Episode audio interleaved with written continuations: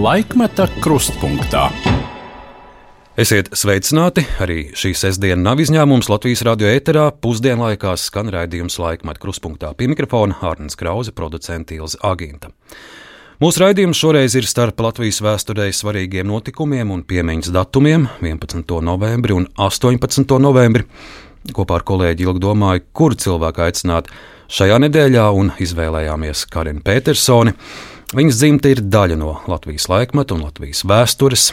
Tajā pieredzēts gan ceļš uz brīvu Latviju, neatkarības gadu un pēc tam Sibīrijas šausmu ceļi. Karina Petersona pieredzējusi, kā mūsu valsts atguva neatkarību un pieredzējusi klātienē. Augusta puča dienās, kad apkārt augstākās padomas ēkai vēl siro jomanieši, viņa parlamentā kā no latviešu uz angļu valodu tulkoja nu pat pieņemto paziņojumu par pilnīgu Latvijas neatkarību. Dzimtas saknes, pašas ceļš politikā, esot arī ministrs amatā, tēvs izcilais režisors Pēters Petersons un izglītība angļu filologs, izcili tulkojumi. Mums šodien būs daudz temati, par kuriem runāt ar Karinu Petersonu. Karinu, sveicināt mūsu studijā! Vai labdien, nu jau gan nobaidījāt un nostrostējāt. Esmu ļoti satraukta, bet labdien, labdien. Satraukumam nav pamats. Karina, es vēlos sākt ar, ar saimu. Parlamenta namā arī lielu daļu savas darba dzīves esat aizvadījusi. Tuvojas 18. novembris, nu pat ir aizvadīts saimas vēlēšanas. No vienas puses, mēs varam būt gandarīti, ka šajās vēlēšanās, neraugoties uz skeptiskām prognozēm, gana daudz Latvijas pilsoņu ņēma dalību. No otras puses, mēs redzam, ka Jau nedēļu pēc vēlēšanām aptaujās tiek cilvēkiem vaicāts, kā jūs vērtējat parlamentu, un jau cilvēkiem ir vilšanās.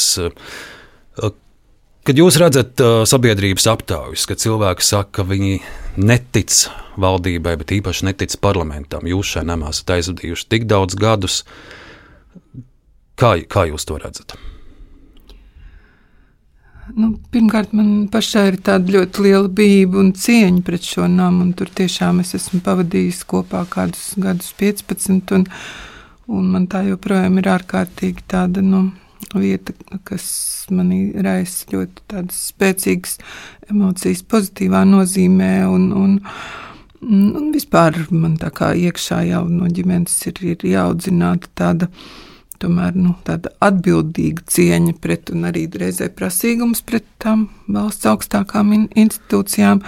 Bet no otras puses, ja tu pats tur esi tik ilgu laiku atradies, tā kā negribi arī būt tāds viegli kritisks vai paviršs. Nu, man liekas, ka es varu piekrist, ka šobrīd ir tāds labs, labs salikums politiski izveidojies saimā, ka ir labs pamats veidot kaut ko darbīgu un, un, un konstruktīvu, bet nu, re, kā ir, ir pavisam tā kā savādāk. Bet es domāju, ka tā, ka mm, visi politiskie spēki ir pauduši tādu apņēmību veidot kaut ko labāku. Nu, ja šāda vēlme ir patiesa, tad ir jāliek malā personiskās un politiskās ambīcijas, kas ir dabiska lieta. Tām ir jābūt, jo bez tām nevar, bez tām arī nevar ne strādāt, ne kaut ko izveidot.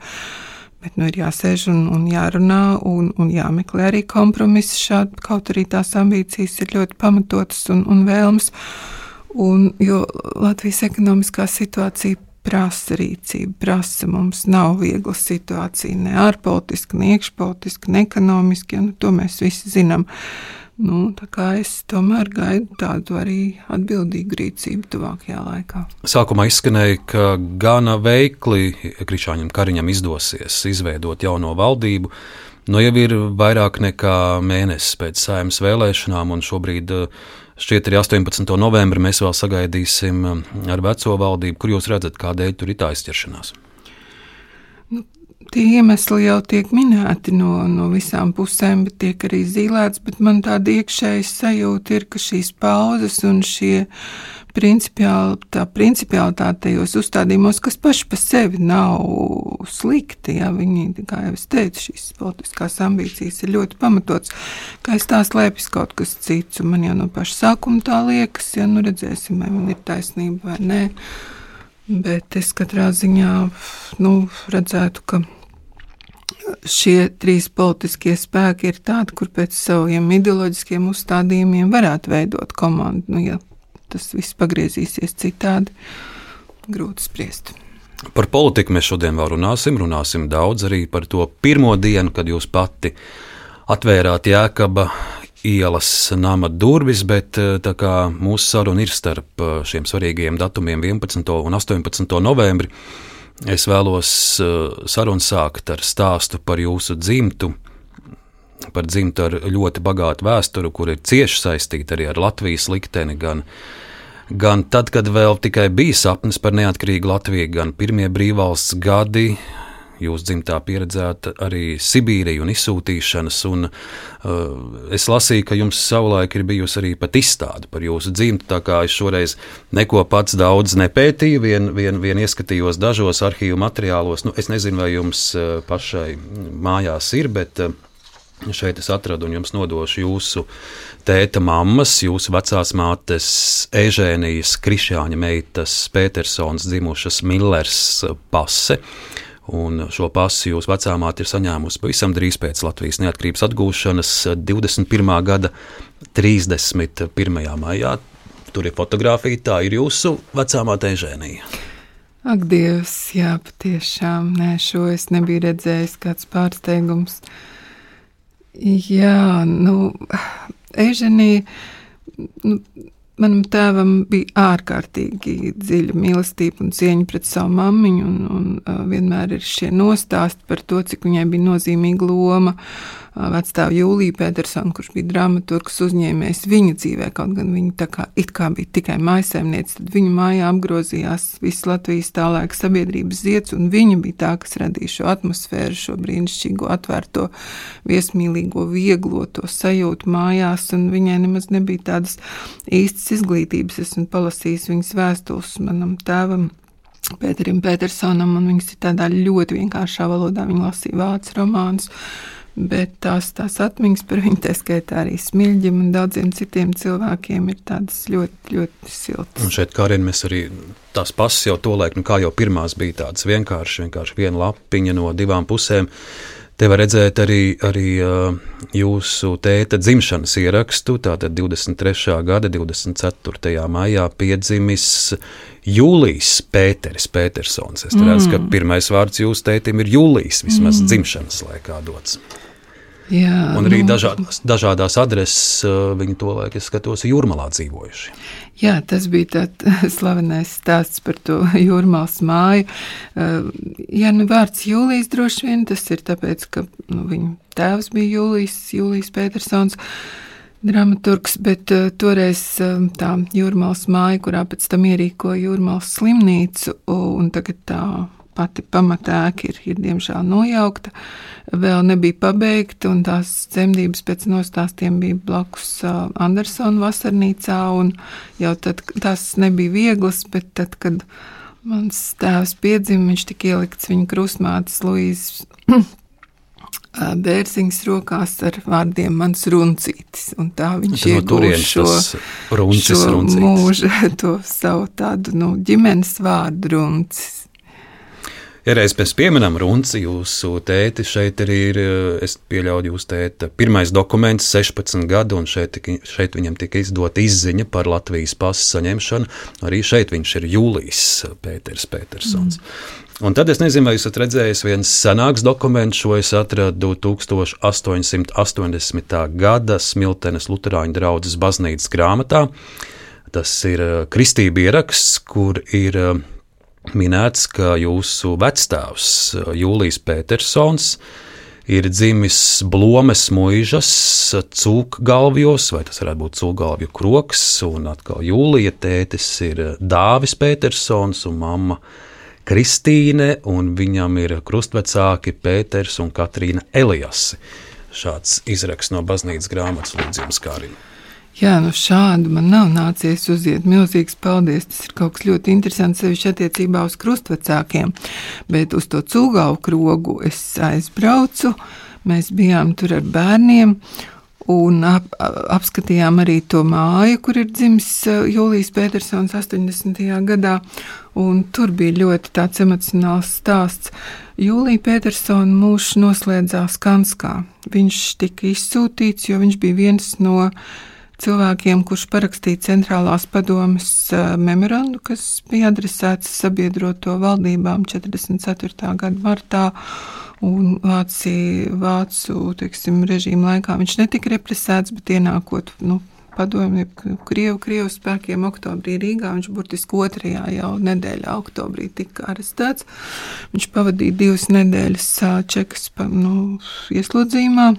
Viņš tika pratināts un viņa nu, kameras biedrs vai, vai likteņa biedrs stāsta, ka viņš nav atbildējis pat uz šiem izmeklētāju jautājumiem. Viņš tikai tādā labā krievu valodā ir uzrakstījis šī memoranda krēdo, ka Latvijai jābūt demokrātiskai valstī ar savu armiju un, un, un valdību, un, un devās izsūtījumā. Un, un aizbraucot tur, smiltenē, netālu no smiltenes brutuļos, kur bija tāda manufaktūra un netālu no tām dzirnavām, un no tā kroga ir tā māja, kur viņš ir dzimis.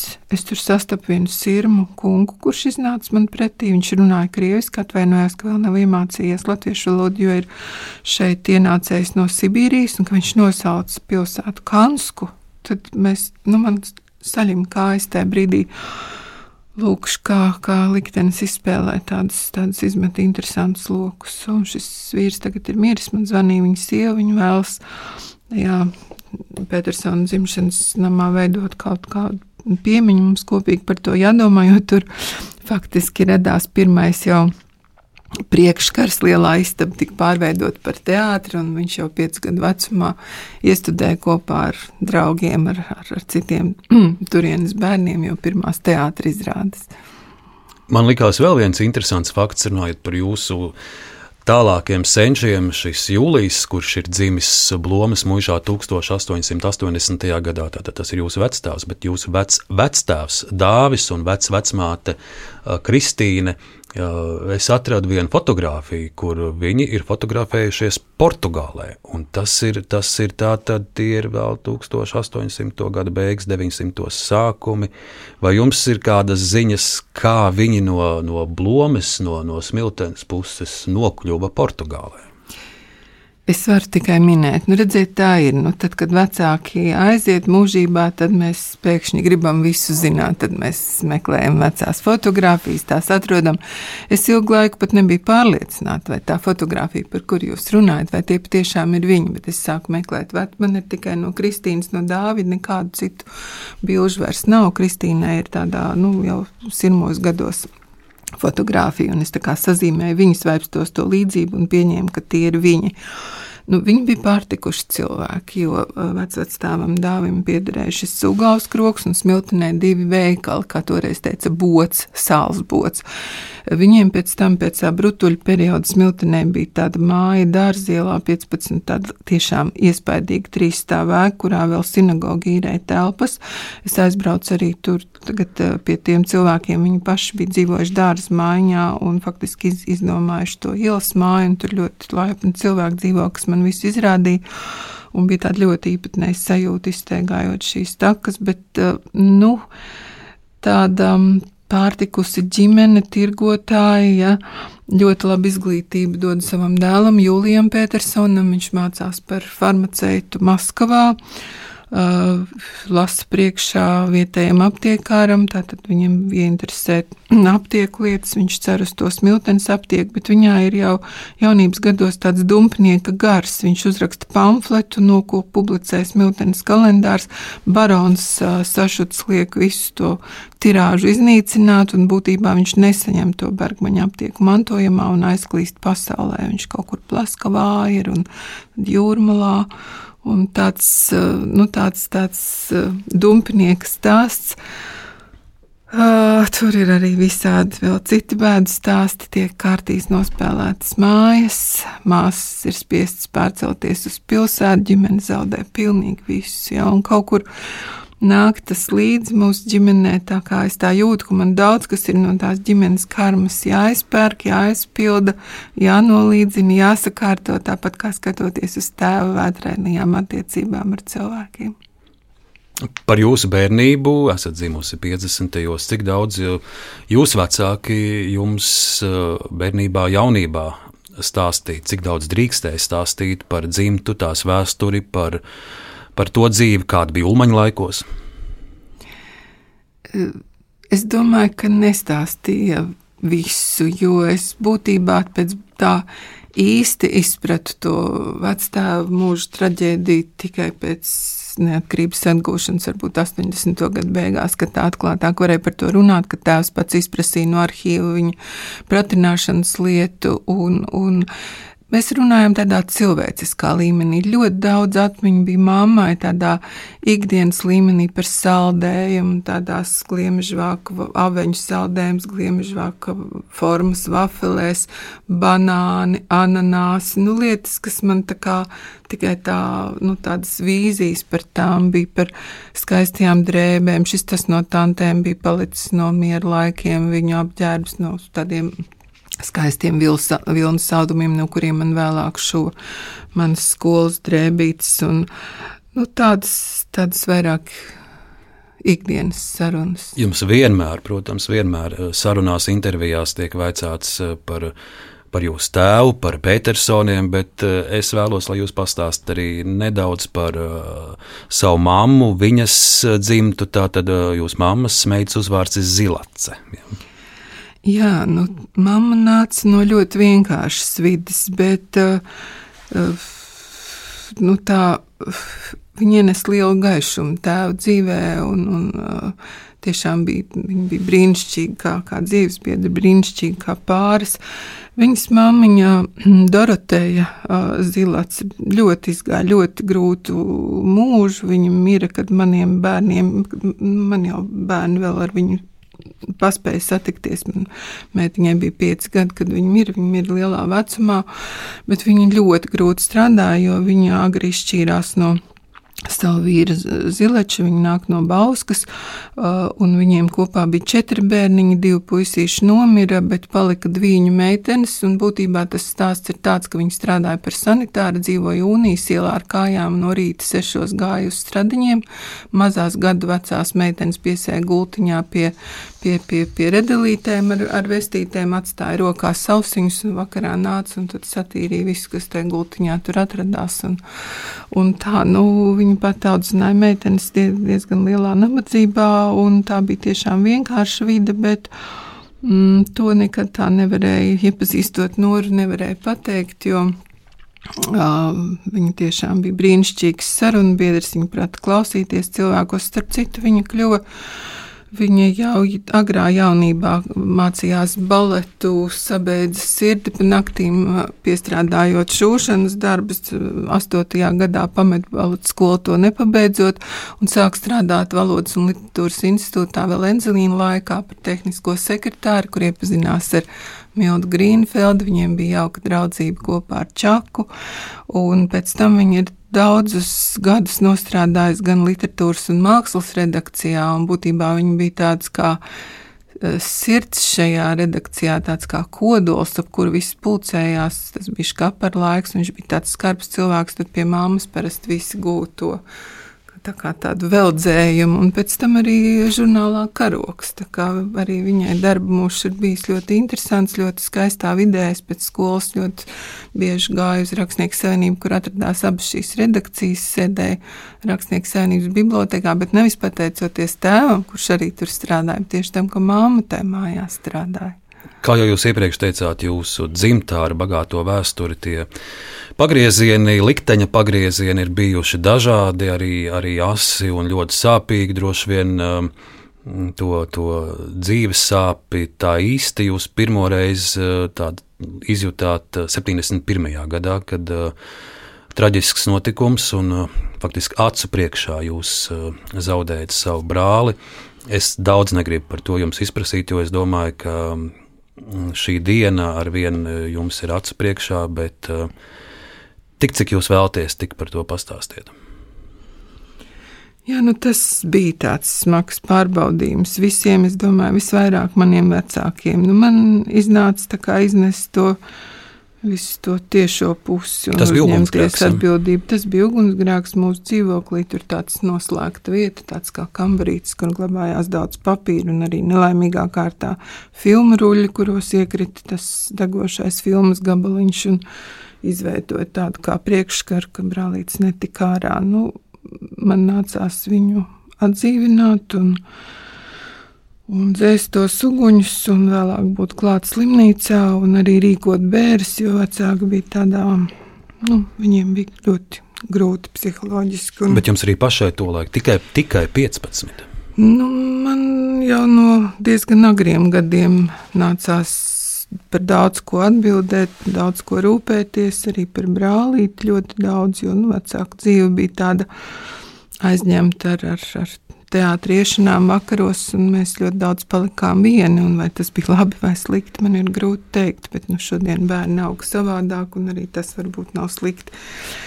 Nu, mēs bijām tādi, mums bija ļoti liela brīvība, arī ļoti liela atbildība toreiz bērnībā. Nu, un, jā, nu šie, šis notikums nāk pie manis īpaši. Es nezinu, kāpēc. Tad, kad es lidoju kaut kur ar lidmašīnu, es nezinu, kāpēc viņš pēkšņi tā ļoti asi uzpeld, un tad man ir jāiet tam vēlreiz vēlreiz cauri un jādomā, vai es kaut ko varēju darīt vairāk, vai kaut kas varēja notikt citādāk.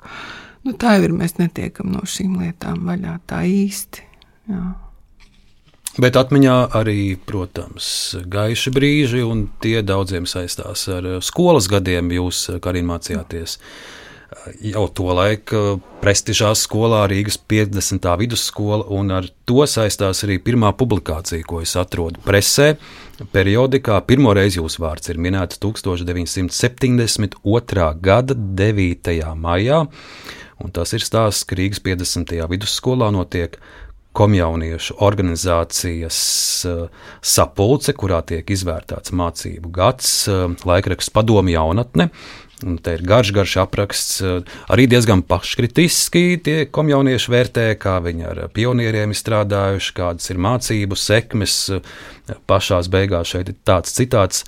Saskatījām arī daudz nepilnības savā darbā, mēģinājām tās izskaust. To paveikt līdz galam ir jauno biedru uzdevums. Un zem šiem vārdiem parakstās Karina Petersone, komjaunatnes komitejas locekle. Cik skaistas atmiņas. Ne, man skolas gadi bija ļoti mīļš laiks. Es nezinu, kāpēc es tā īpaši. Mums bija brīnišķīga klase. Mēs bijām 18 meitenes un 18 puiši. Mums bija tāds ļoti romantisks tā klases dzīve. Un vispār skola bija brīnišķīga. Es varu pateikties tēvam, ka viņš man aizveda uz šo skolu otrajā klasē. Es mācības sāku 49. vidusskolā. Un mums bija nu, ļoti jauka audzināšana. Abas pirmās audzinātājas bija brīnišķīgas, Vilma Bušmana un, un Ilga Kalniņa. Un viņas mūs gan tādu ļāva tādu brīvību, gan ļāva arī tas, tos romantiskās epizodes piedzīvot. Un visādas kolhoza laiki bija tādi ar īpaši romantiskām lietām un, un arī trakām. Bet, nu, kur tad bez komjaunatnes? Es atceros, mēs arī no rītiem, es tur biju tāda milzīga aktīvista skolā, visādus žetonu vakarus mēs iestudējām un uh, rādio no rītiem mēs ar Juri Bundu bijām tā vietējā rādio komiteja un pirms stundām tur ziņojām visiem par visu, par. Tas radio no... mezgls vai kā? Jā, jā, bija skolā. tāds radio mezgls un kur nu bez komjaunatnes, bet mums arī bija skaisti tie žetonu vakari un, un, un Es saprotu, mēs bijām tādi aktīvi visā tajā skolas dzīvē, un es domāju, tas, tas, tas nav slikti. Un man, es biju viens no tiem cilvēkiem, kas ļoti, kam tik ļoti gribējās pieturēties pie tās skolas, un negribējās, lai skolas gadi beidzas, ka es nācu no rītiem agrāk, lai es vairāk varētu mm. izbaudīt skolas gadus. Bet skolas gadi. Reiz pienāk brīdis, ka no skolas ir jāatvadās, skolas durvis jāaizver un jāatver augstskolas durvis. Un, Jūsu izvēle ir uh, studēt uh, svešvalodu fakultātē, angļu valodas nodaļā, un uh, laikraksts padomju students 72. gada decembris. Šeit mēs redzam, šeit pat ir fotografija sešas meitenes - Māja Linda, Ilze Krūmiņa, Zita Mičerevska. Vita Sendo, un vai tā pa vidu ir Kārina, paskatieties, tā ir Kārina Petersona. Dievs, kādas jūs lietas tik neesat atradzis, jā, tā esmu es. Kādi, kādi jums gari mati, bet te ir stāsts par to, ka angļu valodas pirmā kursa B grupas studentes pasniedzēja Vicinska vadībā apgūst zināšanas, gaismas un skaņas tehnikas izmantošanā. Vai atceraties, ko jūs tur apguvāt? Es atceros pašu to laboratoriju. Man liekas, tas, tas pasniedzējs, ko jūs nosaucāt, un vēl tur viens tāds laborants, viņa tāda mistiska tipiņa bija. Man tāda uzticība viņa neraisīja, bet mums toreiz bija, nu, droši vien tā bija tāda priekšrocība. Tā fakultāte bija aprīkota ar, ar tādām skaņu tehnikas laboratorijām, kur mēs varējām klausīties oriģinālu angļu valodu, tā, tā kā viņi būtu jāizrunā un mēģināt tā teikt, ķēmoties pakaļ, kamēr iznāk, un tad trenēties tur tajās laboratorijas. Un droši vien, ka tā bija apmācība, kā ar to visu rīkoties. Nākamā publikācija no 74. gada maija padomi jaunatne un raksts saucās Solis tuvāk Indijai. Atkal ir stāsts par uh, Pēters Tučkas Universitātes svešvalodu fakultāti. Un, un uh, profesors uh, Viktors Ilbulis ir, ir saorganizējis uh, jauno studentu grupu, kuriem interesē Indija un viss, kas saistīts ar Indiju, vai, vai šo laiku atceraties? Vai, protams, jā, bet kur jūs to visu atradāt? Bija tāds periods, mēs tur sabloķējāmies ar divu kursu vecākām studentēm, kur, ar kurām man tagad ir tiešām tāda cieša draudzība vēl no tiem mūsu bengāļu studiju laikiem.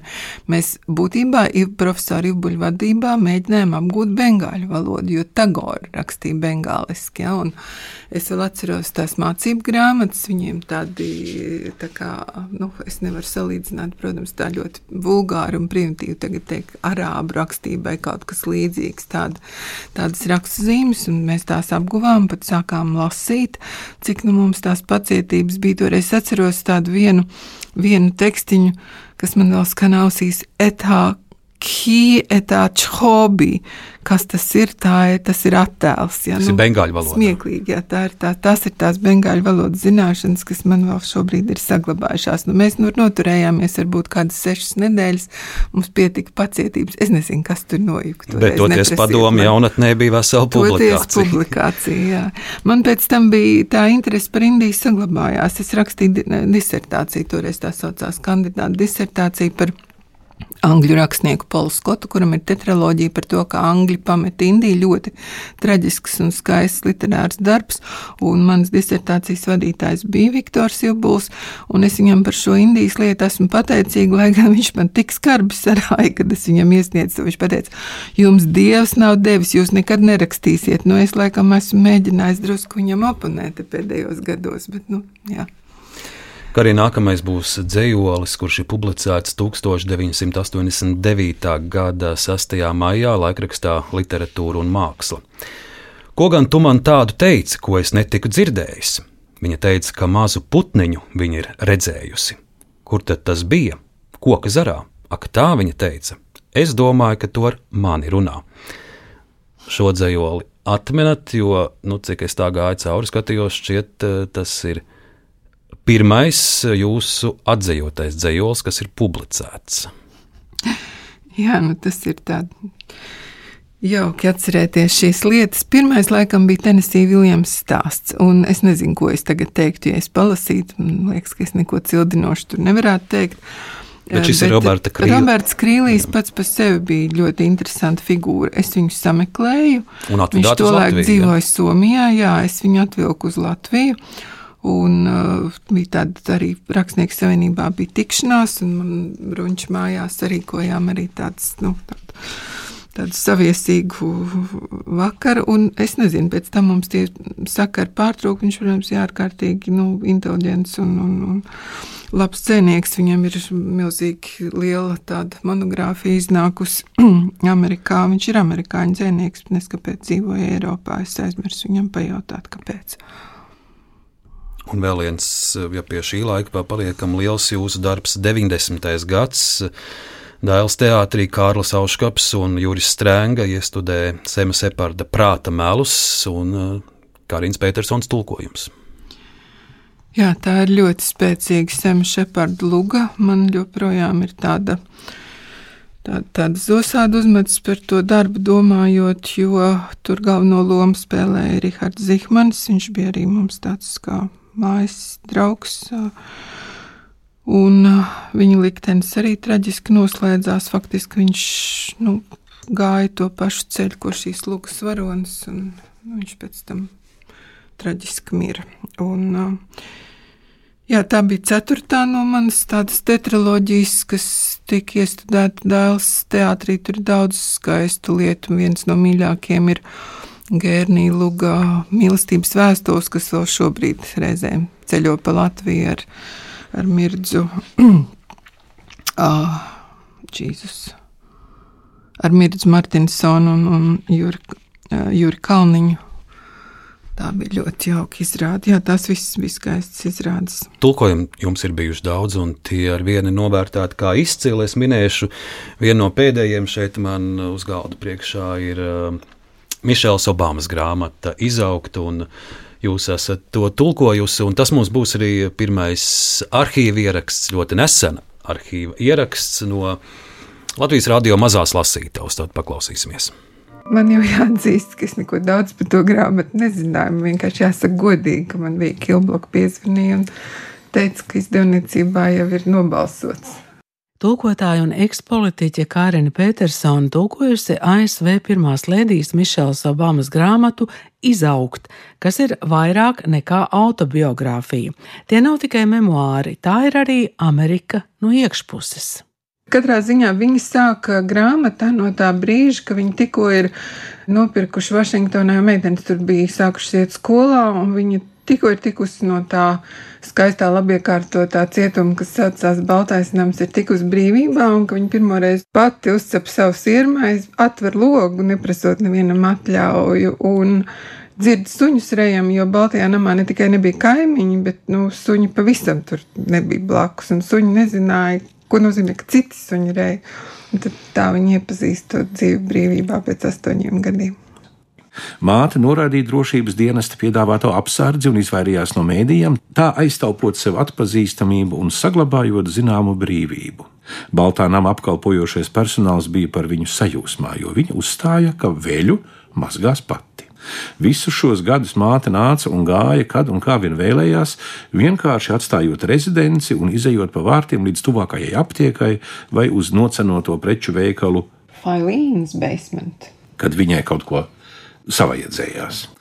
Māte ātri sadraudzējās ar dažādiem cilvēkiem un regulāri devās kopīgi pusdienot. Katru reizi, kad kāds svešinieks noteica, ka viņi izskatoties tieši kā Mišelas Obamas māte, viņa pieklājīgi pasmaidīja un teica, jā, man daudzi to saka. Un turpināja iesākt to. Mana māte, kā vienmēr, visu darīja pa savam prātam. Lūk, šāds fragments no Mišelas Obamas atmiņām. Kas jums šeit aizķērās, domājot par Daudīm politikā, sieviete politikā un Mišels Obamas stāstu? Man visvairāk aizkustināja viņas atklātība, atklātība un spēja paironizēt arī par sevi. Par Baraku gan viņa runā ar ārkārtīgu mīlestību, un es faktiski viņas acis caur viņas to skatījumu uz Baraku arī viņa iemīlēja kā politiķi. Man bija pēc tam ļoti interesanti tulkot Baraka Obamas apsolīto zemi, tā ir pirmā daļa viņa atmiņām par laiku astoņiem gadiem pavadītiem Baltijā namā, un šī grāmata arī tagad jau ir zvaigznes un citās grāmatnīcās. Un tagad pašlaik es tulkoju uh, Mišelas nākamo grāmatu Gaismu, ko sevī nesam, kas ir tāds atskats uz uh, pandēmijas laiku un ko tas viņai ir mācījis, kā tikt galā ar savām raizēm un, un, un satraukumu. Un pa starp vēl ir bijis tāds interesants darbs. Es sāku viņu tūkot, es nebiju visai augstās domās par to grāmatu. Viņa arī viena tāda izaugsmas grāmata, un sauc, tā autora sauc Meija Maska. Un es tikai, kad es jau biju pie beigām, es tā paskatījos internetā, kas tad viņi ir, un izrādās, ka viņi ir Ilona Maska mamma. Hmm. Tā kā man ar tādiem, nu, īstenībā jau tā darīšana vairāk ir ar valsts vīriem, kā jau jūs virzījāt man uz to, ka, jā, skats uz, uz amatpersonām, nu, es jau teicu, Mišelā man visvairāk šī spēja pasmaidīt pašai par sevi un atklātību, savukārt Baraks Obama. Uh, Man neaizrāva tomēr ar savu ideālismu, ar to absolūto nesatricināmo iešanu uz ideālu, neraugoties ne uz ko. Bet nu, jūs, šobrīd, jūs šobrīd uh, tulkojat citu atmiņas, citu memoārus, vai, vai Karina Petersona jau ir kādus pirmos uzmetumus veikusi saviem memoāriem, jo tūlīt mēs uh, sāksim aplūkot laiku no 90. gada Latvijā. Nu, tāda viena pievēršanās, viens mēģinājums ir bijis, vairāk, protams, koncentrējoties uz Anatoliju Gorbunovu personību un gājumu cauri 50 gadu tādam Latvijas vēstures stāstam dažādos periodos. Viņam ir bijis ļoti interesants un izaicinošs darba mūžs. Un... Šī grāmata arī ir iznākusi un šobrīd. Grāmata ir jau Jā. kādus trīs gadus laikam kā iznākusi. Tā saucās valsts vīrs Anatolijas Gorbanovs.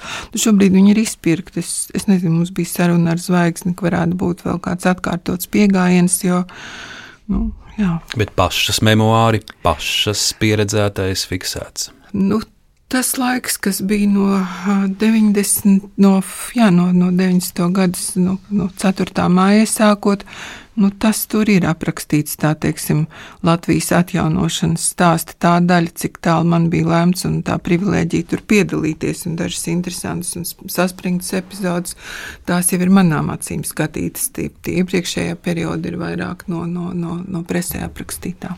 Es jums teikšu, atklāti, godīgi, manai paudzei, bet man jūs pirmās atmiņas par jums, tādas vizuālas, ir, ir kopā ar Anatoliju Gorbunovu ne, negluži blakus pussolīt aizmugurē, vai, vai tulkojot, vai, vai fotografijā blakus esot. Kā notika jūsu satikšanās ar Anatoliju Gorbunovu un kā izveidojās jūsu kontakts? Ehm, mēs bijām, es tolaik strādāju Svešvalodu fakultātē, es mācīju vecāko kursu studentiem, nu tā kā, es nezinu, vai tas kaut ko izsaka, bet uh, tādu analītiku bija tāds teksta analīze, un viņi uztrenēja, faktiski tas tā, tā pasniegšana uztrenēja to valodas līmeni ļoti labi pašam. Es arī ļoti daudz strādāju ar vārnīcām, cik nu, tas jau bija tomēr 80. gadu beigas, mēs jau nebijām saskārušies ar dzīvu valodu, man gan laimējās trīs mēnešus 89. gadā pavadīt Anglijā, kur es patiešām dabūju to dzīvo valodas sajūtu. Un mēs bijām četri cilvēki vai pieci tāda komanda no svešvalodu fakultātes, kas uh, piedalījās gan Tautas fronts kongresā, mēs tūkojām ārvalstu žurnālistiem, gan 4. maija sēdi. Un, un, nu, teiksim, tā bija mana pirmā saskarsme ar, ar augstākās padomas, ar, ar vēlāk saimnes namu un, un 4. māja sēdes sajūtas vispār ir neaizmirstams, bet ar pašu Anatoliju Gorbanovu es nekad nebiju dzīvē tā, protams, tuvu saskārusies, un man viņu uzēt, man uzaicināja viņam tūkot vien pēkšņi 91. gada februārī pēc uh, apšaudas pēc iekšlietu uzbrukuma iekšlietu ministrijai savu cieņu un solidaritāti bija ieradies apliecināt visu Dānijas parlamentu prezidijas. Un prezidija, nu, priekšsēdētājs arī parlamentu priekšsēdētājs un bija saslims augstākā padomē tūks, un man bija tā kā deviņos no rīta jāierodas, un tā burtiski tā man iestūma tajā baltajā zālē, kur, kur nekad nebija būts, un tieši šī, šī augsta līmeņa saruna, un pēc tam sarunas turpinājums plenārsēžu zālē ar uzrunām, ar televīzijas klātbūtni klātbūtni, kas bija uz vietas, tā pilnīgi negatavojoties uzreiz jātulko uz visām abām pusēm un tā. Nu, acīm redzot, kaut kas manā uzvedībā bija tāds, kas uh, lika just tādu vai drošību vai paļāvību, jo pēc tam, kad formēju saimnes delegācijas braucienu uz atpakaļ vizītē uz Dāniju pēc mēneša, tad uh, nu, es tā saprotu, ka tieši pats augstākās padomas priekšsēdētājs bija teicis, nu, atrodiet, man te bija tāds cilvēks, viņš gan lietoja citu vārdu, laikam, būtne. Ja? Nu, tad, tad es um, atgriezos ar, pie šiem uzdevumiem, un arvien vairāk kļuvu iesaistīta. Bija jāpatūko kādas vēstules, un, un jāatnāk uz sarunu tulkošanu. Arvien vairāk man iesaistīja tā valsts atvēršanās, ārvalstu sakariem, tā situācija saspringtā, kurā mēs atradāmies. Arvien vairāk bija jārunā ar ārvalstu valstu vadītājiem, parlamentu vadītājiem. Un es sapratu, ka es nevarēšu turpināt apvienot to ar pasniedzēju darbu. Jūnijā man bija jāizšķirs, es ienācu pilnībā kļuvu par, par, par palīdzi. Laikam, un vēl jau paralēli jums ģimene un, un arī visi trīs bērni jau to laiku vēl taču ar. Nu, bērni bija paaugušies. Protams, ka mans laiks pagāja tā, var teikt, kopš tā brīža, kad es izšķīros, var teikt, tas bija tāds kā iesaukums, ja tur vairs es nepiederēju ne sev, ne ģimenei. Bet bērni bija paaugušies, viņi jau bija patstāvīgi. Bija, protams, reizes, kad bērni jutās aizvainot, ka es netiku uz kādu izlaidumu vai, nu, patiešām es netiku vai nu braucienu vai kādas svarīgas lietas. Jo nu, šis darbs mēs jau nebijām daudz. Tagad prezidenta kancelējā ir atstrādātas procedūras. Mēs bijām būtībā divi, trīs cilvēki, kas tā nu, strādāja tūmā. Tie divi palīgi un varbūt viens padomnieks. Nu, viss, viss tas, tas darba apjoms bija tāds plašs. Es vēlos eh, citēt uh, mazu fragment no, div, no 1991. gada 20. septembrī literatūrā un mākslā publicētās uh, Jāņa Petera uh, grāmatas, rokas grāmatas, ir tādām mazām atmiņu skicēm.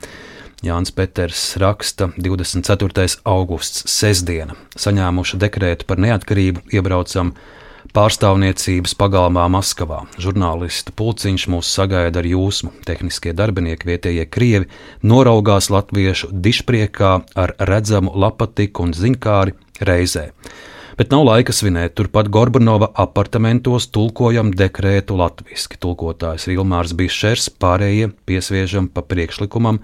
Stila labskaņai.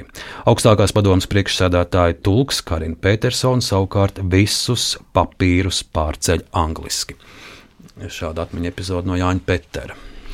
Jā, tās bija satraucošas dienas. Man tā, tas brauciens uz Maskavu, kad Jēdzins tā teikt, uzdāvināja Latvijai nu, pelnīto brīvību, un faktiski visām trim Baltijas valstīm vienā dienā tas notika, tad mēs, protams, tā bija.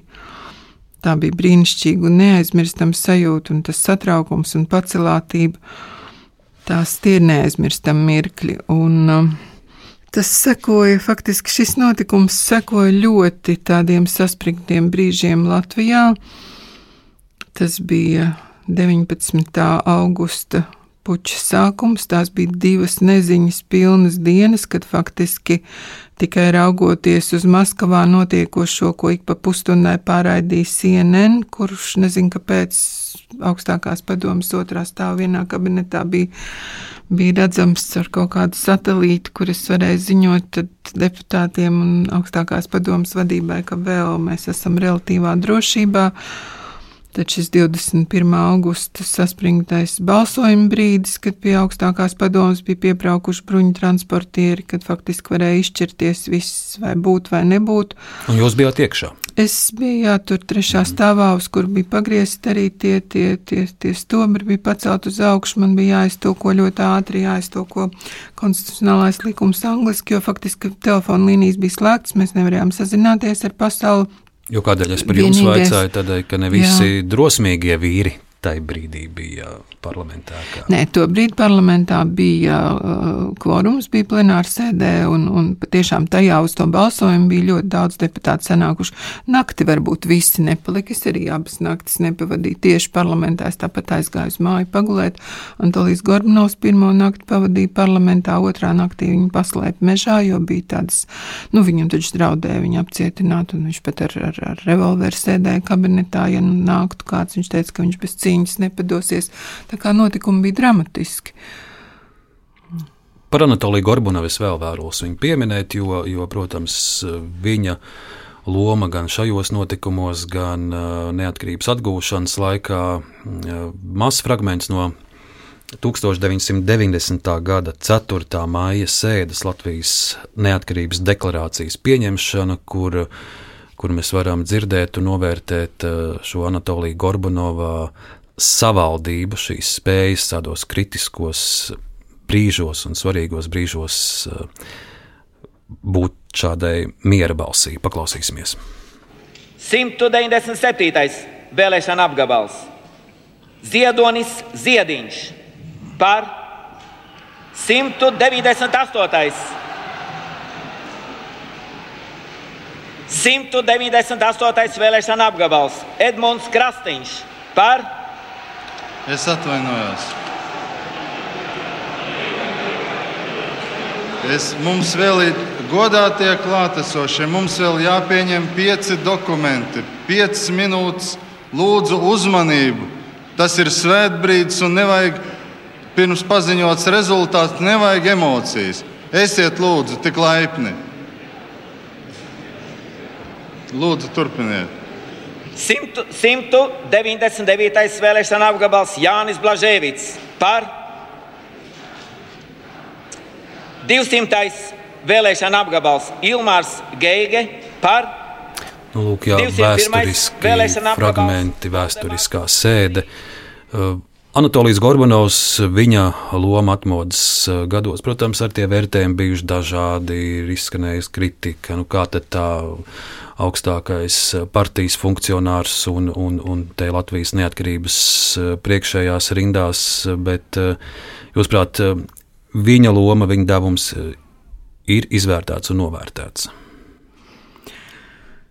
Nu, uz šo jautājumu varbūt ir grūti tā tieši atbildēt. Es domāju, ka cilvēki viņu ir novērtējuši, jo, kā es arī grāmatā minu, faktiski mm, 93. gadā viņš saņēma Latvijas vēsturē lielāko balsu skaitu, kādu jebkurš, jebkurā laikā politiķis ir saņēmis. Tie bija pāri par 600 tūkstošu balsu tieši par viņu, kas arī deva Latvijas ceļam, nu, protams, ne jau bez komandas viņš startēja, bet tomēr tas viņam bija vislielākais balsu skaits. Un es domāju, ka tā cilvēku uzticība visos laikos, viņam jūtot viņa godīgumu, viņa mieru, viņa to, ka cilvēki jutās, tas, ka arī šajos grūtajos laikos, barikāžu laikā un augustā, viņš teju katru vakaru izgāja panorāmā, uzrunāja cilvēkus un iedvesa viņiem šo paļāvību, ja, ka kamēr viņš tur, teiksim, atrodas, tad, nu, nekas tāds traģisks nevar notikt, kaut gan notika.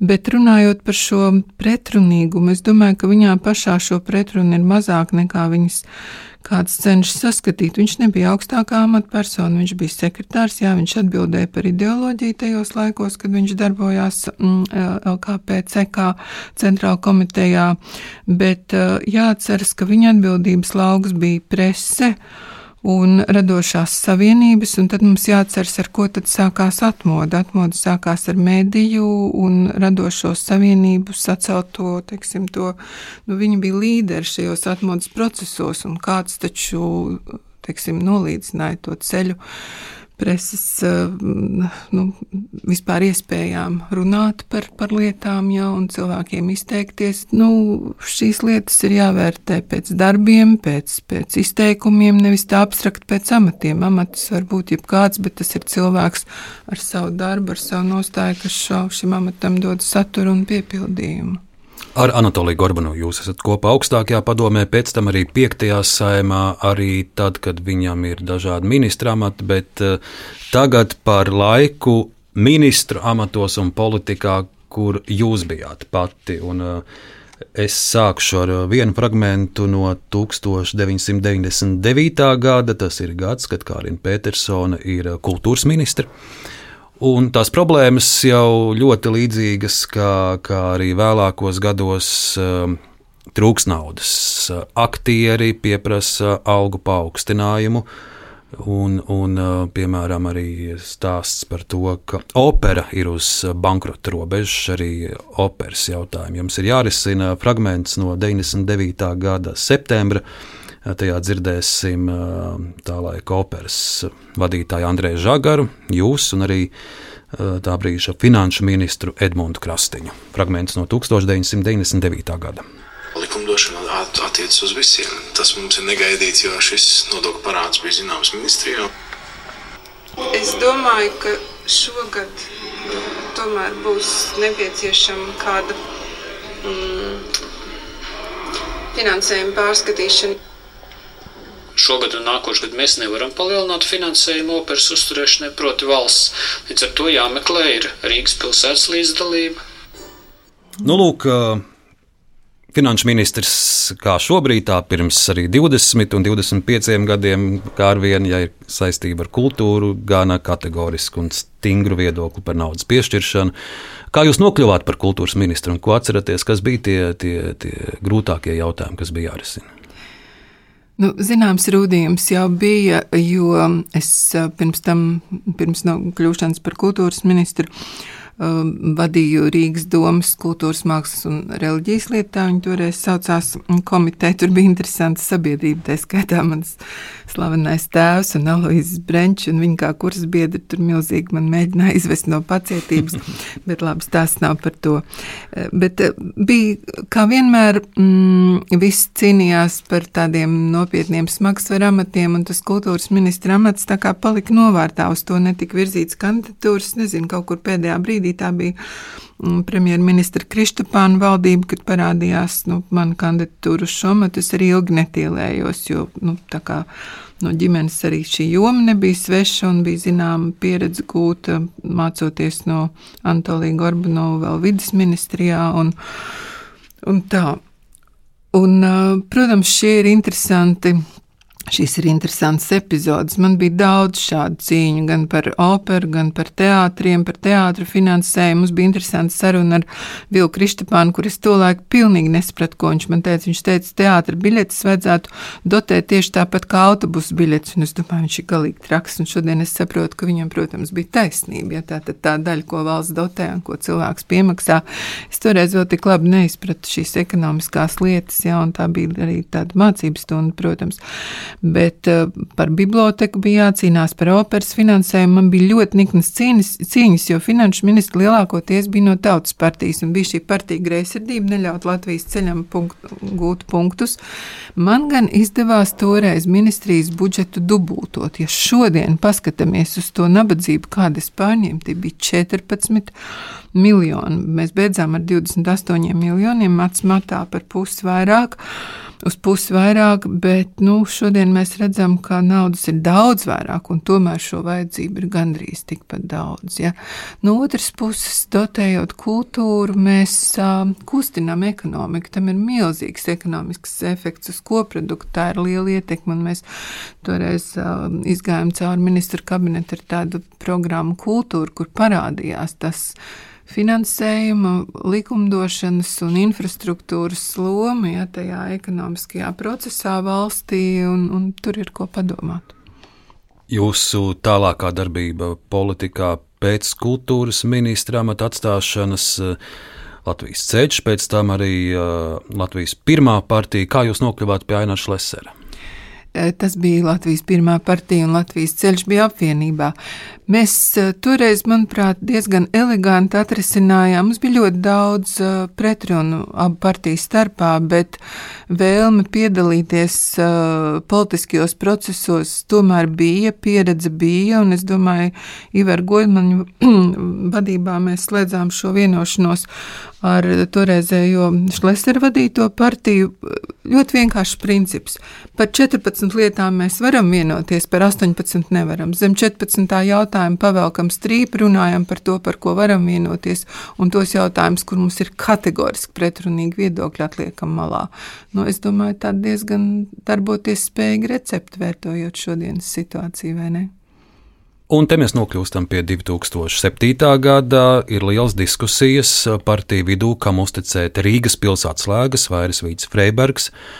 Prezidentes otrais termiņš tuvojas izskaņai, partijas sāk virzīt kandidātus, Tautas partija Māra Riekstiņu, jaunais laiks Sandru Kalnieti, un 2007. gada 12. maijā notiek Latvijas pirmās partijas Latvijas ceļa liela sanāksme, kur apvienība nolēma, tur bija arī kā kandidāts uh, Ivars Godmans un arī Baštikungs, bet beigās tiek nolēmts, ka Karina Petersona būs prezidenta kandidāte. Mazs ieskats, uh, kā notika šī lemšana un kāda bija jūsu reakcija, kad jūsu biedri jūs izvirzīja. Ticiet man, mēs nevarēsim palikt ar trim kandidātiem. Mums šodien būs jāpieņem lēmums par vienu kandidātu. Margarita Tečere kas arī bija tomēr ļoti spējīga Anglijas premjerministrs, savā laikā teica tā. Politikā, ja ir vajadzīgs pateikt kaut kas labs un, un spēcīgs, tad aiciniet vīrieti. Bet, ja jūs gribat politikā kaut ko izdarīt, tad meklējiet sievieti. Es balvu sadotu par Karinu Petersonu neko darīt. Tāds liktenis, tā vieta, katram mums savu uzdevumu. Es tāpēc savu kandidatūru paņem par labu Petersonai.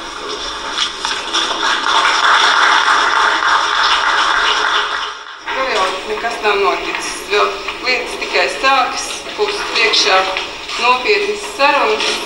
Mm, Nesacerēsimies par daudz, pacīnīsimies. Nu, lūk, šajā sanāksmē jūs sakat, pacīnīsimies, un, un tur ir arī tāds melnais humors. Jums ir teikums, ka par mani izvirzīšanas sapulcē varēja dzirdēt tik daudz labu vārdu, ka nākamreiz tik daudz labu vārdu būs dzirdami tikai manās bērēs. Tā, tā jūs toreiz arī teicāt. Bet, bet um, cik šis viss bija nopietni?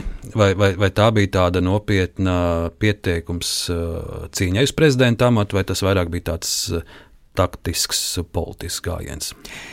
Ziniet, nu, gan viens, gan otrs. Protams, ka man bija sarunas pirms tam ar mūsu partijas vadību, kur viņi man lūdza uzņemties un, un spērt šo soli un piekrist. Un mēs ļoti labi apzinājāmies savas iespējas. Mums toreiz saimā bija tikai desmit deputāti, desmit balsu. Tautas partijai bija diezgan spēcīgas pozīcijas, un Mārija Rīgstiņa kandidatūra arī bija tiešām atzīstama un cienījama. Un, nu, vienīgi tas, ka Kalvīts bija jau premjerministrs un teiksim, nu, tās prezidenta teiksim, tās pozīcijas varētu ieņemt cilvēks no kādas citas partijas. Bet uh, reizē arī es domāju, ka politiskā vide nebija gatava uzticēt šo augsto amatu divām sievietēm pēc kārtas. Tur bija tāds riska moments, šis mūsu politiskās balsu skaits, tīrā aritmētika. Bet bija tāda interesanta. Es, protams, gāju šo cīņu godīgi, gāju līdz galam, kamēr man ļāva šo ceļu iet, jo, protams, ka tev arī tāds urdošs vēlniņš runā, ja nu tomēr, un varbūt ir vērts pacīnīties. Tā kā tā cīņa bija godīga, tur interesants pavērsiens radās, ko pēc tam var saukt par to zooloģiskā dārza epizodu vai kā, kad mēs ar Māru Riekstiņu beidzām savu apgaitu pa saimnes frakcijām. Uh, Tādas ziņas partiju, daudzu partiju vadoņiem bija parādījušās, ka man ir diezgan labas izredzes un pat varbūt labākas kā, kā Rieksniņam. Tur bija kaut kādas politiskās gresidības. Nedomāju, ka tā bija mana personība vai mana kaut kāda izcilība, bet, teiksim, parādīt tautas partijai varbūt mazliet ieriept vai kā, un tas spēku samērs sāks vērties varbūt manai kandidatūrai par labu, un šīs kandidatūras pēkšņi tika noņemtas no trases. Tur bija tāda. Nu, nu, īsi sakot, pēkšņi jā. parādās valda Zatlera vārds, un, un, un cik es raugos tā laika mediju atreferējumos, gan jums, gan Mārim Rieksniņam, tas, nezinu par Māru Rieksniņu, bet jums tas bijis diezgan tāds pēkšņs pārsteigums, ka pat daļai diezgan aizmuguriski izrādās jau ir, jau lielie partiju balss ir vienojušies par kādu citu. Bet tā, to mēs uzzinājām, līdz ko tā vienošanās bija notikusi. Nekā tāda nu, aizmugris tik daudz, ka mēs nebijām klāt sarunā. Viss jau ir pilnīgi saprotami. Ir jāvirza pirmdien oficiālie kandidāti, ir jāiesniedz dokumenti, nu tad par oficiāliem kandidātiem lēma un viņus virzīja. Nu, tālākais process risinājās diezgan arī dramatiski, ja, bet man nav palicis tāds rūkums, jo faktiski var teikt, ka liktenis pasargāja no dažiem tādiem nopietniem pārbaudījumiem, ka prezidentam vienmēr ir jāiet šajā matā cauri. Zinām, pieredze bija no laika, kad bija jābūt blakus Anatolijam Gorbanom kā valsts vadītājiem, tur ir gan spožās, gan grūtās puses. Nu, rūkums jūs sakat, nav, bet varbūt es palaidu garām, es skatījos uh, balsošanas lapu par valdes atleru par jūsu vārdu es tur neatradu. Varbūt, ziniet, es pat tagad detaļās neatceros. Iespējams, jā, tad es esmu pārkāpus partijas disciplīnu, man bija jābalso par. Par partijas disciplīnu es nezinu, bet uh, par uh, jūsu runām no parlamenta tribīnes, nu, man jūs aizsties, kā vienmēr tāda ieturēta un diplomātiska, bet es atradu vienu runu, uh, kas, kas, protams, arī ir ieturēta, bet tāda ļoti netipiska jums. Tas ir um, stāsts no 2008. gada 4. decembra. Notiek saimas sēde pēc tam, kad valsts ir pārņēmusi 85% pareks akciju. Par to, protams, ir jāatskaitās tā laika premjeram Godmanim, skarba kritika no opozīcijas. Jūs to laikā esat pozīcijas pusē, ļoti arī krāšņas debates, un, un paklausīsimies dažus spilgtus izteikumus no 2008. gada 4. decembra saimnes sēdes. Šī mācība maksa par piedzīvotajiem traktajiem gadiem, Meibachiem un Šlesera gāzi grīdā ir ļoti augsta. Cerams, ka kā valdība, tā mēs katrs būsim iemācījušies mūsu senču patiesību, nedzīvot pāri saviem līdzekļiem. Godmaņa valdība ir tā tāda slikta ugunsdzēsēja komanda. Kāds dzērājs, kāds sliņķis, kāds vienpār, vienkārši neko nesaprot. Kāds savus mutu te stāsta teorijas, kā dzēst ugunsgrēkus. Bet fakts ir tāds, ka tā māja ir krāsmatās. Kā kraukļu bars, krā, krā, krā. Jūs varbūt domājat, jums liekas, ka jūs skaisti dziedat. Mēs dzirdam krā, krā, krā. Es esmu optimiste, un tāpēc es varētu teikt, tralalā, tralalā. Nu, lūk, te mēs dzirdējām Ānu Sēli, Egaru Stokembergu, Sandru Kalnieti un arī Kārens Petersons krā, krā, krā no saimas tribīnas. Nu, netipiski jums.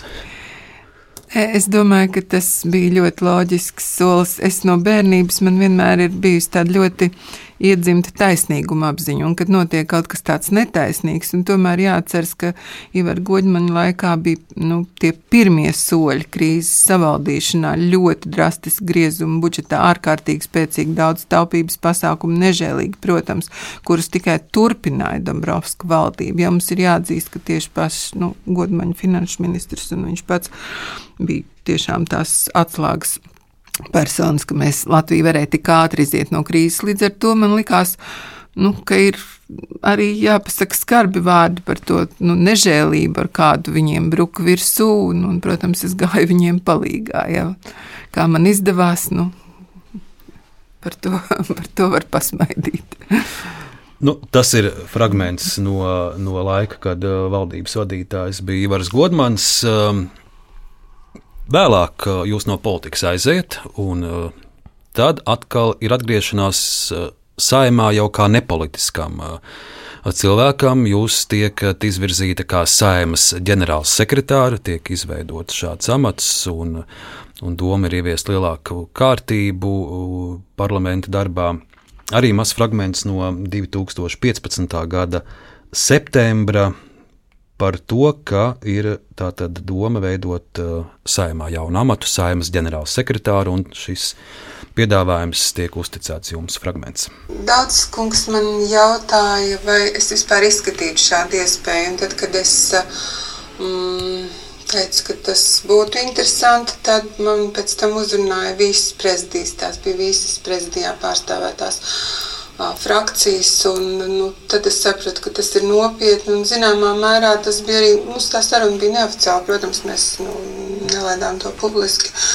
Um, jo saprotam iemeslu dēļ, jo nevienā iestādē reorganizācija negaida ar, ar, ar lielu sajūsmu. Es gribētu jebkuras bažas noraidīt. Es tiešām esmu politiski neitrāla. Es jau četrus gadus esmu politiski neitrāla. Nu, šeit ir stāsts par to, ka ja, žurnālisti arī atrada faktu, ka saimnes priekšsēdētāja Ināra Mūrniece savulaik bija žurnāliste. Lauka avīzē, Latvijas avīzē bija gana kritiski par jums rakstījusi, ka lūk, jums ir eh, sagādāts uh, ienesīgs darbs Paregs bankas eh, padomē, bet Ināra Mūrniece tagad ir arī tā, kur jūs aicina uz saimu strādāt saimā. Šis stāsts par saimas ģenerāls sekretāru amatu un kādēļ beigās tik salīdzinoši īsu laiku jūs tajā bijāt. Tur bija vairāk apstākļi. Mm, vispirms es ienācu ļoti grūtā brīdī, kad bija konflikts izveidojies starp prezidiju un toreizējo kancelējas vadību. Tāds jau gadus ilgs konflikts, un tā bija tāda jau nu, stresa pilna situācija un vide. Un man, es nācu ar zināmiem ideāliem par labu pārvaldību, par ar vērmi, vēlmi harmonizēt attiecības starp prezidiju un mm, darbiniekiem, kas man daudzus gadus strādāju tajā tā teikt darbinieku pusē, un daudz man bija kolēģi vēl no 91. gada, kad es uzsāku savus darba gaitas augstākajā padomē, un tie cilvēki jau bija tie paši. Un šīs ilūzijas faktiski es ātri vien dabūju nolikt malā un saprast, ka mm, nebūs. Es mēģināju diezgan daudz ko izdarīt, un arī daudz kas izdevās. Faktiski par to paldies, ka prezidijs ļāva daudz ko izdarīt, un, un mēs patiešām gājām tādiem lieliem soļiem, tika izveidots analītiskais dienests, tā drošības sistēma, viss tā ienākšana tika reformēta, darbs ar komisiju konsultantiem, ar pašu komisiju vadītājiem, tur arī remonta darbu, kas pēc tam arī nelaimīgi beidzās. Faktiski tur radās tāda krīze, tur aizgāja līdz pat prokuratūrai ar, ar tiem remonta darbiem, ka faktiski nu, es vairs nespēju tik ļoti naidīgā atmosfērā. Es vienkārši ķermeniski sāku no tā ciest no šīm pretrunām starp prezidiju un, un, un visu to administratīvo aparātu, kurus tikai samilzu. Bet laikam pat gads pat nepagāja. Nē, nē, bija divi ar pus gadi. Tas bija diezgan ilgs laiks, un mēs diezgan daudz paveicām, bet es lūdzu man laist vaļā, es teicu, ka es pati neesmu rāvusies uz šo amatu, bet tas nevienam nenes tādu. Nē, nu, gandarījums bija, gandarījums ir par to, kas ir padarīts, un faktiski arī tas atskats šodien ir pozitīvs. Bet, ja par kaut ko jums noteikti ir gandarījums, tad tas ir uh, raugoties no krasmālas pāri uz pārdaugavas pusi, un tā ir gaismas pils. Nacionālā biblioteka, kur, protams, arī jums ir liela loma uh, šīs uh, mums tik svarīgās ēkas tapšanai. Viens fragments no 1999. gada 17. novembra. Un tā ir diena, kad uh, sabiedrībai, arī ārvalstu vēstniekiem Rīgā, Gunārs Birkerts, arhitekts Birkerts, iepazīstina ar savām skicēm, ar savu projektu. Var teikt, ka Nacionālās bibliotekas pirmie publiskie soļi. Fragments no 99. gada. Man bija prieks par ļoti konstruktīvu un ļoti lietišķu un ļoti tādu izprotošu attieksmi no vairāk vēstnieku puses, kur tūlīt pēc mūsu uh, sarunas pienāca klāt. Un jo īpaši es gribētu izcelt Amerikas Savienoto Valstu vēstnieku, kuram bija jau vairāk tiešām ļoti konkrēti priekšlikumi. Tā ir kaut kāda liela kultūras pasākums mūsu zemē, kur mēs saglabāsim savu identitāti, vai ne? Bet kas ir tā lielā atvere uz izmaiņām, un ka tās ir vienas lielas durvis tagadējā laikmetā, kur, kur, kur tautas un, un kultūras mainās. Tā ir vienīgā, vienīgā nacionālā biblioteka, un tā vienīgā biblioteka, kas faktiski ir tik nozīmīga un, un ar tādu simbolisku nozīmi un tādu, tādu nozīmi tautai un, un arī man. Lūk, šeit mēs dzirdam arhitektu Gunāru Birkertu, arī leģendāro diplomātu Ainu Nagabatu Zābolu un jūs toreiz kā kultūras ministri. Ceļš līdz bibliotekas tapšanai, protams, bija garš, un, un es šodien nevēlos atminēties visas tās reizes un, un iemeslus, kādēļ atkal un atkal projekts tika atcelts, bet varbūt tāds viens un lielākais klupšanas akmens, kur jums varbūt bija sajūta, ka varbūt tomēr nesenāk šis projekts, vai, vai ne, ne brīdi nebija tādas nojautas? Es sākšu varbūt no otra gala. Mm, man liekas, ka tagad mēs nespējam iedomāties savu dzīvi bez Nacionālās bibliotekas, kas ir apliecinājusi sevi kā vērtību, kā nu, fantastiska arhitektūra, ļoti funkcionāla un arī kā ļoti, ļoti labi apmeklēts kultūras norišu centrs. Nu, uh, bija daudz ērkšķu tajā ceļā, un atkal man ir jāatgriežas. Protams, nauda Tas dīvainākais, ka Nacionālās bibliotekas gadījumā bija ne tikai politiskā vide jāpārliecina par to nepieciešamību, kas nu, šodien liekas absurds, bet arī visa sabiedrība. Jo sabiedrība grib kaut ko tūlīt un šobrīd, un liekas, ka tagad mēs tērēsim, nes kādus līdzekļus, tas iegūms visiem paliek tā kā apslēpts. Un tā cīņa bija pārvilkt to pārliecību pāri un panākt, ka sabiedrība prasa no valdības. Šķēršļi bija ne tikai nauda, bija atkal šīs partijas attiecības. Es domāju, ka Tautas partija negribēja ļaut uh, Latvijas ceļa laikā pieņemt izšķirošus lēmumus. Man gan izdevās dabūt parlamentu balsojumu savā pusē ar milzīgi daudz uh, uzrunām un, un, un cīņām. Man vēl bija cīņa arī savā frakcijā. Tā kā tas likums tika pieņemts jau manā laikā, bet pēc tam Helēnas Demakovas laikā nāca lielie finanšu lēmumi. Un tad atcerēsimies, tur arī stāsti par zemes privatizācijām, un tad bija ideja pie īpašu elektrības nodokli, kas tik tur nebija. Bet pienāca diena, pienāca 14. gada 29. augusts, un ir Latvijas Nacionālās bibliotekas uh, svinīgā atklāšanas ceremonija, svarīga diena arī jums, un uh, Ziedoņa zālē arī skan jūsu runa, mazs fragments no bibliotekas atklāšanas. Mm. Kad jūs nācāt iekšā bibliotekā, jūs noteikti sajūtāt, ka tā elpo Jo cilvēki, kas šajā svētku nedēļā piepildīja šo jaunuzcelto namu līdz pašai augšai, ir ienesuši tajā dzīvību. Mēs varam teikt, ka mēs esam izgājuši cauri no Rainiskās sākotnes, bibliotekas simbolos, nonākuši šodienas digitālajā pasaulē, bet šīs lietas ir apvienojušās. Un gaismas pilsēta ir atnākusi cauri trim Latvijas atmodām līdz padarītam darbam šodien. Kad 18. janvārī šī gada sākumā mēs visi stāvējām grāmatu draugu ķēdē, Latvijas Nacionālais bibliotekas direktors teica īsāko runu, kādu jebkad dzirdētu. Latvijas Nacionālā biblioteka nekad nebūs gatava.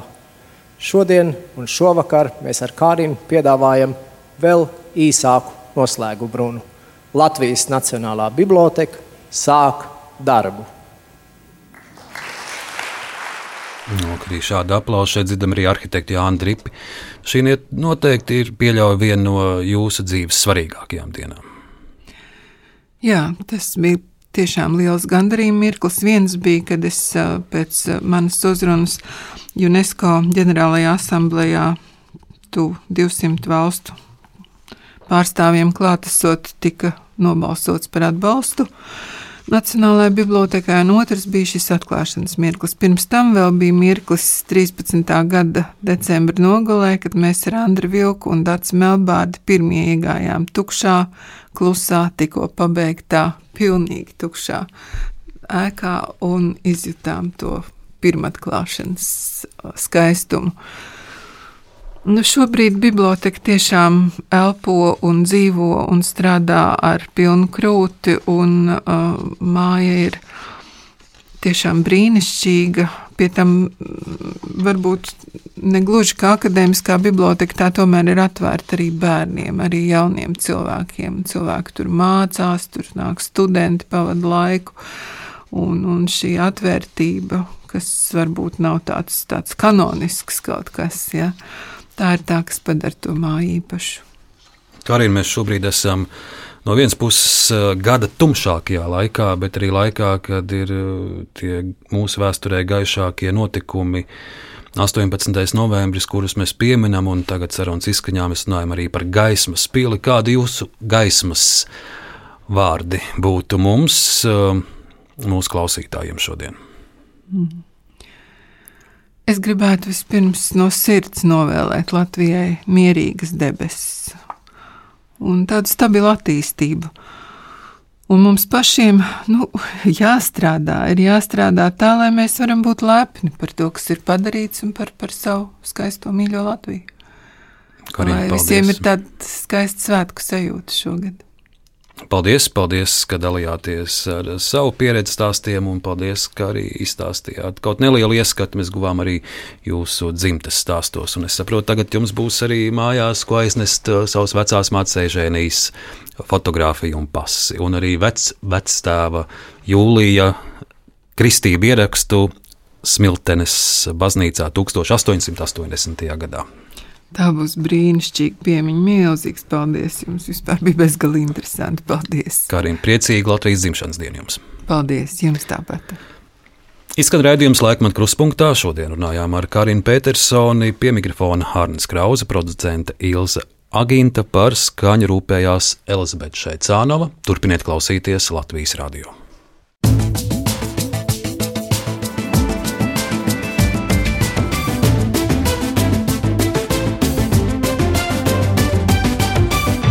Laikmeta krustpunktā.